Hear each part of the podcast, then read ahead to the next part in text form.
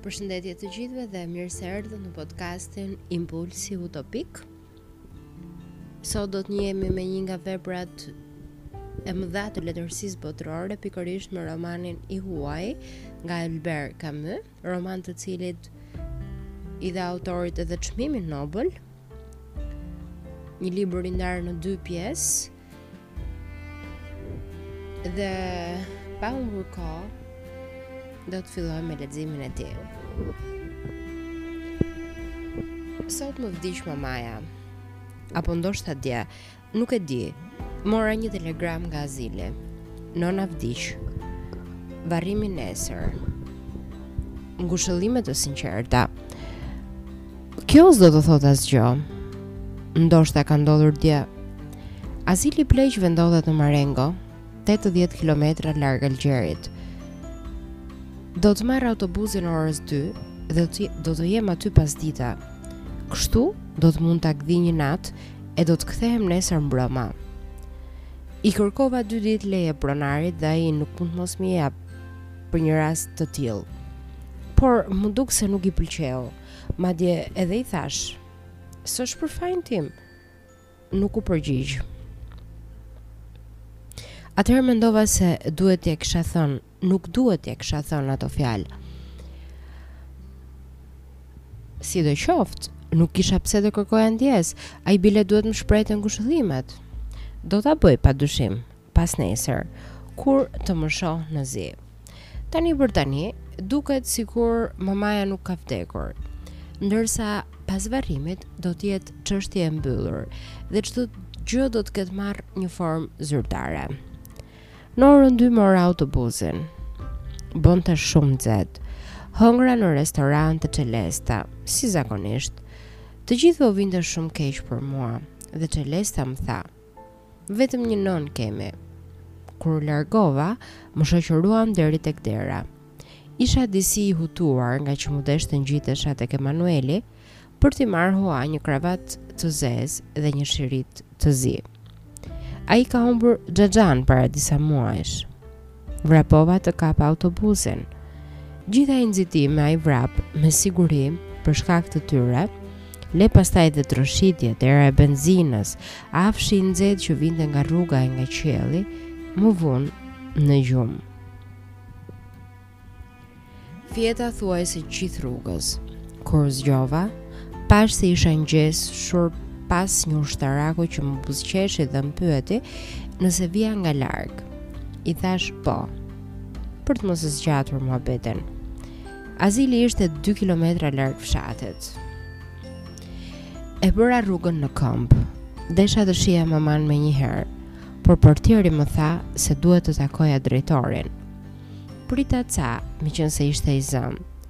Portieri foli e foli pa pushim. Më pas, takova drejtorin. Ishte një burrë i vjetër, trupshkurtër, mbante varur dekoratën e Legion d'Honneur, Legioni i Nderit. Më vështroi me sytë e tij të çelët. Pastaj më shtrëngoi dorën e ma mbajti aq gjatë sa nuk dija si ta tërhiqja. Shfletoi një dosje dhe më tha: Zonja Mërso ka ardhur këtu para tre vjetësh. Ju ishit mbështetja e saj e vetme. M'u duk sikur po më qortonte për diçka dhe fillova t'i shpjegoj. Por ai më ndërpreu. S'keni pse shfajësoheni, biri im. Lexova dosjen tuaj, Ju nuk kishit mundësi ta mbanit. Kishte nevojë për një njeri. Të ardhurat tuaja janë të pakta. E në fund të fundit, ajo ishte më e lumtur këtu. Unë i thashë, po zoti drejtor, ai shtoi, ju e dini, ajo kishte miq të moshës së saj, e lidhin me ta, interesa që i përkasin një kohe tjetër. Ju jeni i ri dhe ajo duhet të mërzitej me ju. Ishte e vërtetë, kur ishte në shtëpi, mamaja e kalonte kohën duke më ndjekur heshtazi me sy. Gjatë ditëve të para në azil ajo qante shpesh, sepse s'ishte mësuar. Në krye të disa muajve, po ta kishin larguar nga azili, ajo do të qante përsëri. Sepse s'ishte mësuar. Është edhe kjo një nga arsyet për të cilat nuk shkova më atje vitin e fundit. Dhe pse më digjej e diela, pa llogaritur mundimin për të shkuar tek autobusi, të blija biletat, e të bëja dy orë rrugë. Drejtori vazhdoi të flasë, por unë thuajse nuk po e dëgjoja më. Pastaj më tha, ma merr mendja se doni ta shihni nënën. U ngrita në këmbë, pa thënë asnjë fjalë, dhe ai kaloi përpara meje për nga dera. Nëpër shkallë më shpjegoi, Ne e kemi çuar në morgun tonë të vogël për të mos trënditur të tjerët. Sa herë vdes një nga pleqtë, këta bëhen nervozë për nja 2-3 ditë dhe kjo e vështirëson shërbimin. Kaluam përmes një oborri ku ndodheshin shumë pleq që bisedonin grupe grupe. Kur u afruam ne ata heshtën. Me t'u larguar ne, bisedat rifilluan. Të thoshe një dërdëllitje e shurdhët papagajsh. Drejtori më la te dera e një godine të vogël. Po ju lë zoti Mërso, jam në dispozicionin tuaj, në zyrën time. Paraprakisht varrimi është lënë për në orën 10 të mëngjesit. Ne menduam se në këtë mënyrë do të mund të përgjoni të ndjerën. Edhe një fjalë të fundit. Thonë se nëna juaj ka shprehur shpesh dëshirën miqve të vet se do dëshironte t'i bëheshin nderimet fetare. Mora përsipër të bëj çka nevojitet, por desha t'ju vë në dijeni, e falënderova. Mamaja edhe pse jo e pafe, nuk e kishte vrarë kurrë mendjen për fenë sa ishte gjallë. Hyra, Ishte një sallë e ndriçuar mirë, e lyer me gëlqere të bardhë dhe sipër me xhamllok. Ishte e pajisur me një karrike me këmbalecë në formë X-i. Dy të tillë, të vendosur në qendër, mbanin një arkivol të mbyllur me kapak. Dukeshin vetëm vidhat e ndrish, ndritshme fare pak të ngulura që kërcenin sipër dërrasës prej lëvozhge arre të arkivolit. Pranë tij, rrinte një infermiere arabe me bluzë të bardhë e një shall ngjyrë të ndezur në kokë. Në këtë çast portieri hyri prapa meje. Duhet të kishte ardhur me vrap. Atij iu mor pak goja. E kanë mbyllur, por do ta zhvidhos arkivolin që të mund ta shihni. Ndërsa ai iu afrua arkivolit unë e ndala. Ai më tha: "Nuk doni?" U përgjigja, jo. Ai u shtang dhe unë mbeta keq, sepse e ndieja që nuk duhet t'i kisha thënë ato fjalë. Pas pak, ai më vështroi dhe më pyeti, përse? Jo si qortim, por thjesht për ta ditur. I thashë, nuk e di. Atëherë, duke u përdredhur mustaqet e thinjura, ai pohoi pa m'i hedhur sytë. E kuptoj. Ai kishte sy të bukur, të kaltër, me një çehre pak të kuqe. Më dha një karrige dhe vetë u ul pak më prapa. Infermierja u ngrit në këmbë dhe u drejtua nga dalja. Në këtë çast portieri tha: "Është me kancer." Ngaqë nuk po kuptoja, vështrova infermieren dhe pashë se poshtë syve kishte një fasho që i mbështillej rreth e qark kokës. Tek hunda, fashoja qëndronte rrafsh, në fytyrën e saj dalloje vetëm bardhësia e fashos. Kur iku ajo portieri foli: po ju lë vetëm. Nuk e di ç'lëvizje bëra dhe ai qëndroi në këmbë prapa meje. Prania e tij, para kurrizit tim, më bezdiste. Dhoma përshkohej tejpërtej nga drita e bukur e mbasdites që po mbaronte. Dy grerëza zukisnin mbi xhamllëk. E ndieja që po më merrte gjumi. I thashë portierit ndërsa vazhdoja të qëndroja me kurriz nga ai. Ka kohë që jeni këtu? Ai u përgjigj menjëherë. Pesë vjet, sikur kishte qenë gjithmonë në pritje të pyetjes time. Pas kësaj, ai llomotiti pa pushim, do të ishte befasuar, sikur dikush t'i kishte thënë se do ta ngryste jetën si portier në azilin e Marengos. Ishte 64 vjeç e kishte lindur në Paris. Në këtë çast e ndërpreva. Si, nuk jeni prej këtej? Pastaj u kujtova se, para se të më shoqëronte për te drejtori, më kishte folur për mamanë. Më kishte thënë se duhej varrosur shumë shpejt, sepse në fushë bënte shumë vapë, sidomos në këto anë. Pikërisht në atë çast më kishte treguar se kishte jetuar në Paris të cilin nuk mund ta harronte.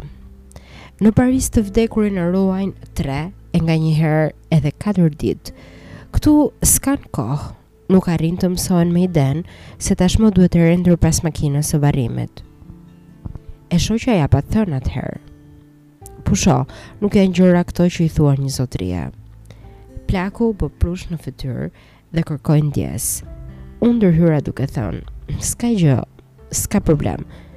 Fjala e tij më dukej me vend dhe interesante. Kur ishim në morg, më tregoi se kishte hyrë në azil nga nevoja. Meqë ndihej më mirë me shëndet, kishte kërkuar të punonte si portier. Unë i thashë se tek e fundit ai ishte një pjesëtar i azilit. Më tha se jo, më kishte bërë përshtypje mënyra se si ai thoshte ata të tjerët dhe më rrallë pleqtë, kur fliste për pleqtë e azilit, disa prej të cilëve nuk ishin më të moshuar se ai, por sigurisht nuk ishte e njëjta gjë. Ai ishte portier dhe në njëfarë mase kishte të drejta mbi ta. Në këtë çast, hyri infermierja. Papritur ishte ngrysur. Shumë shpejt, nata ishte dendësuar mbi xhamllok. Portieri rrotulloi çelësin dhe drita shkreptimtare e llambave më verboi. Më ftoi të shkoja në mensë për të ngrënë darkë, por s'kisha uri. Ai u tregua i gatshëm të më sillte një filxhan kafe me qumësht. Pranova sepse kafeja me qumësht më pëlqen shumë dhe pas pak ai erdhi me një tabaka në duar. Piva. Pastaj pata dëshirë të pija një cigare por ngurova sepse nuk e dija a mund të bëja një gjë të tillë në prani të mamasë. U mendova S'kishte aspak rëndësi. I zgjata paketën portierit dhe të dy pimë nga një cigare. Në një moment më tha, E dini, edhe miqtë e zonjës, nënës tuaj do të vijnë për ta përgjuar. Është zakon. Duhet të gjej karrike dhe kafe të fortë. E pyeta nëse mund t'i fiknim një nga një llambat. Shkëlqimi i dritës mbi muret e bardha më lodhte. Më tha se nuk qe e mundur. I tillë qe instalimi, ose të gjitha, ose asnjë.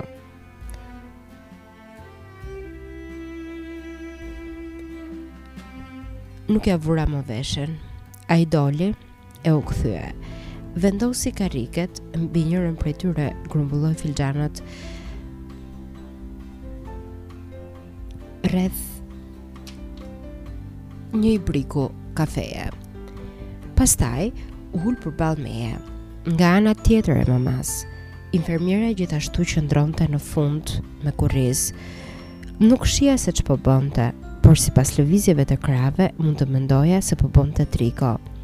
Koha ishte e butë, kafeja më kishte ngrohur dhe nga dera e hapur hynte aroma e natës dhe luleve. Më duket se dremita pak. Një fëshfërimë më nxori gjumin, ngaqë mbaja sytë mbyllur, bardhësia e bënte dhomën verbuese. Përpara meje s'kishte asnjë hije dhe çdo send, çdo qoshe, Të gjitha format e rrumbullakosura vizatoheshin me një qartësi që të therte sytë. Pikërisht në këtë çast hynë miqtë e mamasë. Ata ishin nja dhjetë gjithsej dhe rrëshqisnin fshehurazi në këtë ndriçim verbuas. Kur u ulën, nuk u dëgjua asnjë kërcitje karrigesh. I shihja sikur nuk kam parë kurrë njeri dhe nuk më shpëtonte asnjë detaj i fytyrave apo veshjeve të tyre. Megjithatë asgjë s'pipëtinte e nuk arrija të besoja se ata ndodheshin aty. Pothuajse të gjitha gratë ishin me përparëse dhe rripi i lidhur i shtrënguar në mes, nxirrte në pah barkun e tyre të fryrë. Deri në atë çast, s'më kish rënë asnjëherë në sy sa shumë bark mund të vënë plakat. Burrat ishin pothuajse të gjithë shumë të dobët dhe me bastun. Ajo që më bënte përshtypje në fytyrat e tyre, qe se nuk dalloja sytë, por vetëm një dritë pa shkëlqim në mes një çerdheje rrudhash. Kur u ulën, shumë prej tyre më panë dhe tundën kokën me bezdi. Buzët e tyre ishin të futura brenda si të ngrëna nga goja pa dhëmbë, e unë s'mund ta kuptoja nëse më përshëndesnin, apo qe thjesht një tik. Më duket se më përshëndesnin. Pikërisht, në këtë çast, vura re se ishin ulur të gjithë përballë meje, rreth e rrotull portierit dhe tundnin kokën. Për një çast, pata përshtypjen absurde, se ata ndodheshin aty për të më gjykuar. Pas pak, njëra nga gratë filloi të qajë. Ishte në radhën e dytë, e futur pas kurrizit të njërës prej shoqeve të saj, dhe unë nuk e shquaja mirë. Qante duke lëshuar britma të lehta, të shtruara, më dukej sikur nuk do të pushonte kurrë. Të tjerët, Dukeshin sikur nuk e dëgjonin.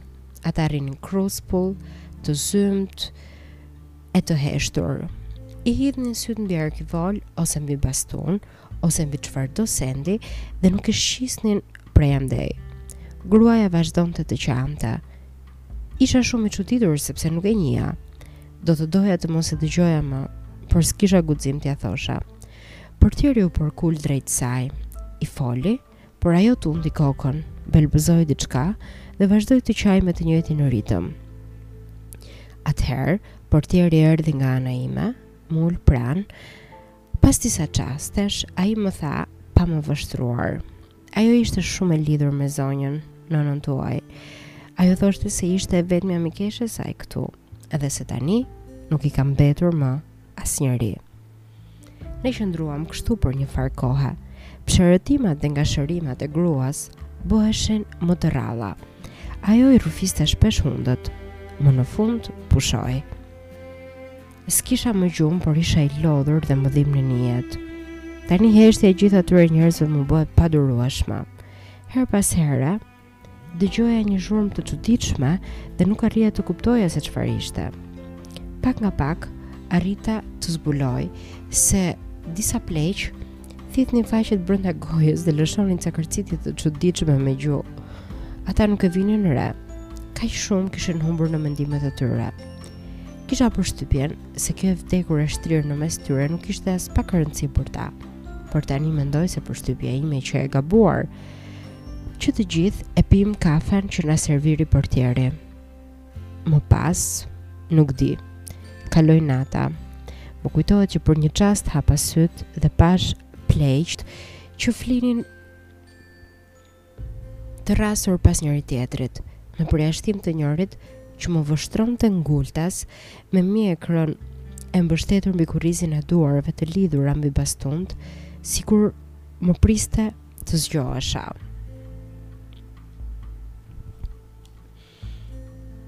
Pas kësaj, fjeta përsëri. Më doli gjumi nga dhëmbja në ije, që sa vinte e shtohej. Dita rrëshqiste mbi xhamllëk. Pas pak, njëri nga pleqtë u zgjua dhe filloi të kollitej. Pështynte në një shami të madhe me katrorë dhe çdo gëlbazë dukej sikur i shkulte diçka nga brenda. Ai u nxori gjumin të tjerëve dhe portieri tha se duhej të niseshin. U ngritën. Fytyra u ishte bërë dhe nga nata e parehatshme që kishin kaluar. Për çudinë time, Kur dolën të gjithë më shtrënguan dorën, a thua se gjatë kësaj nate që ne nuk kishim këmbyer as edhe një fjalë, ishim afruar më shumë me njëri-tjetrin. Isha i lodhur. Portieri më çoi në shtëpinë e vet dhe unë u lava pak. Piva përsëri një kafe me qumësht. Ishte shumë e mirë. Kur dola, dita kishte zbardhur plotësisht. Qielli kuqëlonte përtej kodrave që ndajnë Marengon nga deti dhe era që vinte së andej më sillte me vete një aromë të kripur. Dukej se dita do të ishte e bukur. Kishte kohë qysh kur s'kisha qenë në fushë dhe me sa kënaqësi do shëtisja po të mos qe puna e mamas. Por qëndrova në oborr nën një rrap. Thithja aromën e tokës së freskët dhe s'kisha më gjumë. Mendja më shkoi te shokët e zyrës. Në këtë orë, ata çoheshin për të shkuar në punë. Për mua kjo ishte gjithmonë ora më e vështirë, por mendoja ende për këto gjëra, kur u përmenda nga një këmbanë që vinte nga brenda ndërtesave. Seç u bë një rrëmujë prapa dritareve, Pastaj çdo gjë u qetësua. Dielli ishte ngritur edhe më lart në qiell. Ai filloi të m'i ngrohë këmbët. Portieri kaloi oborrin dhe më tha se më kërkonte drejtori. Shkova në zyrën e tij. Më dha të firmosja disa dokumente. Pashë se ishte veshur me të zeza dhe kishte një palë pantallona me viza. Mori telefonin në dorë dhe m'u kthye mua. U bë një copë herë që po presin nëpunësit e ceremonive të varrimit. Po shkoj t'u them të vijnë dhe të mbyllin arkivolin. Mos doni ta shihni më parë nënën tuaj edhe një herë të fundit? I thashë që jo. Ai dha urdhër në telefon duke ulur zërin. Fizhak, u thoni njerëzve se mund të nisen. Pastaj, më tha se do të ishte i pranishëm në varrim dhe unë e falenderova. U ul prapa tavolinës së punës dhe kryqëzoi këmbët e tij të shkurtra. Më paralajmëroi se do të ishim vetëm unë, ai dhe infermierja e shërbimit. Si rregull, pleqtë e azilit nuk duhet të merrnin pjesë në varrime. Ai i lejonte vetëm të përgjonin.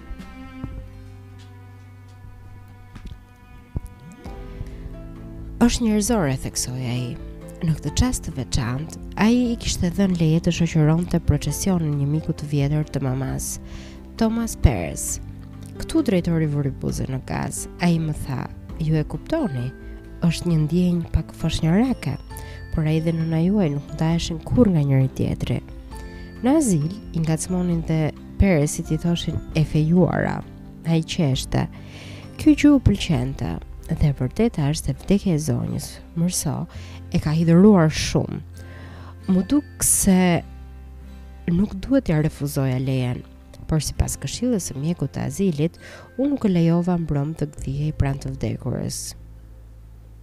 Qëndruam të heshtur për një kohë të gjatë, Drejtori u ngrit në këmbë dhe hodhi sytë nga dritarja e zyrës së tij. Në një çast, tha: Ja edhe famullitari i Marengos. Është para kohe. Ai më bëri të ditur se duheshin të paktën tre çerek ore në këmbë për të shkuar në kishën që ndodhet brenda në fshat. Zbritëm poshtë. Para godinës gjetëm famullitarin me dy ndihmësa. Njëri prej tyre mbante një temjanicë dhe famullitari përkulej drejt tij për të ndrequr zinxhirin e argjendtë. Kur mbërritëm ne, prifti drejtoi trupin, më quajti biri im dhe më tha ca fjalë. Ai hyri brenda dhe unë e ndoqa pas.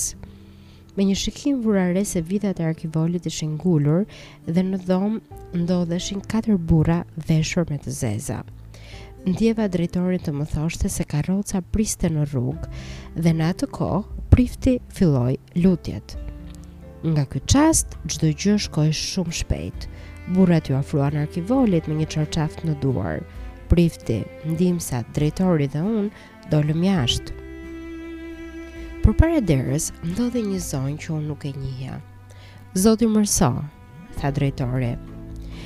Nuk e dëgjova emrin e kësaj zonje, por kapa vetëm se ajo ishte infermierja e shërbimit. Ajo përkuli fytyrën e saj eshtake e të gjatë, pa më të voglën buzëqeshje. Pastaj, ne u vumë në radhë që të linim të kalonte trupi. Ndoqëm nga pas grupin që mbante të vdekurën dhe dolëm nga azili. Përpara derës ndodhej karroca, e lustruar, gjatoshe dhe e shndritshme. Ajo ngjante me një kuti lapsash, në krah të saj ndodhej organizatori i ceremonisë, një burrë i shkurtër me veshje qesharake dhe një burrë plak me pamje të lëshuar. E kuptova se ky qe zoti Peres, ai mbante një kapele prej cohe, të butë, me kalotë të rrumbullakët e strehë të gjerë. Ai e hoqi nga koka kur arkivoli doli nga dera. Një kostum, pantallonat e të cilit spërdridheshin në fund sipër këpucëve dhe një nyje kravate prej stofit të zi, tepër e vogël për këmishën e tij me jakë të madhe të bardhë. Buzët i dridheshin nën hundë plot pika të zeza. Nga flokët e bardhë dhe të imët dalloheshin dy veshë të çuditshëm, të varur me llapa të shëmtuara dhe më ra në sy ngjyra e tyre në të kuq gjaku mbi këtë fytyrë të zbehtë. Organizatori i ceremonisë na caktoi vendet. Famullitari ecte në krye, më pas vinte karroca. Përqark kësaj, katër burra, prapa drejtori, Unë, dhe parakalimi mbyllej me infermierën e shërbimit dhe zotin Peres. Qielli ishte gjithë diell, ai kishte filluar të rëndonte mbi tokë dhe vapa sa vinte e shtohej. Nuk e di pse pritëm aq gjatë para se të niseshim. Kisha nxehtë nën rrobat e errëta, Plakushi hoqi përsëri kapelën që kish vënë në kokë më parë. Isha kthyer pakëz në drejtimin e tij e po e vështroja kur drejtori më foli për të. Ai më tha se shpesh herë nëna ime dhe zoti Peres bënin shëtitje mbrëmjeve deri në fshat të shoqëruar nga një infermiere. Vështroja fushën rreth e qark. Duke parë radhët me qiparisa në drejtimin e kodrave deri në kufi me qiellin. këtë tokë të kuqërremtë e të gjelbërt, këto shtëpi të rralla e të dallueshme.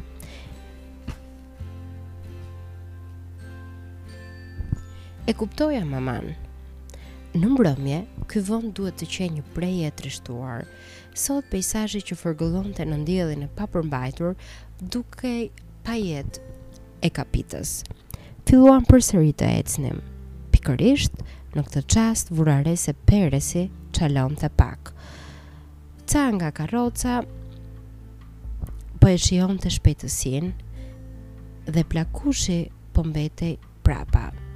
Njëri nga burrat në krah të karrocës e kish lënë atë të parakalonte dhe tani ecte përkrah meje. U çudita se me ç'shpejtësi Dielli ngjitej lart. Vura re se kishte kohë që fusha gumëzhinte nga kënga e insekteve dhe kërcitjet e barit, djersa më rridhte nëpër faqe. Meqë s'kisha kapelë, bëja fresk me shami. Nëpunësi i ceremonisë së varrimit, më tha atëherë diçka që nuk e mora vesh. Ndërkaq, ai fshinte ballin me shaminë që mbante në dorën e majtë, Pasi me të djathtën ngrinte cepin e kasketës. I thashë, si? Ai përshpëriti duke treguar qiellin. Të jep në majë të kokës, i thashë. Po, pas pak më pyeti. Nëna juaj ishte aty? I thashë përsëri. Po. Ishte e moshuar? U përgjigja. Ishte ca, sepse nuk e dija moshën me saktësi. Pastaj ai heshti. Ktheva kokën dhe pashë plakun Peres nja 50 metra larg nesh. Ai shpejtonte duke tundur kapelën me dorë. Vështrova dhe drejtorin. Ecte mjaft me dinjitet, pa bërë asnjë lëvizje të kotë. Disa pika djerse i ndriçonin mbi ballë, por ai nuk i fshinte. Më dukej se procesioni po ecte më shpejt. Rreth e rrotull, e njëjta fushë, plot dritë dhe diell. Këtu do e mbyllim këtë episod të podcastit për t'u ridëgjuar përsëri në vazhdimin e romanit I huaji. Mirudëgjofshim.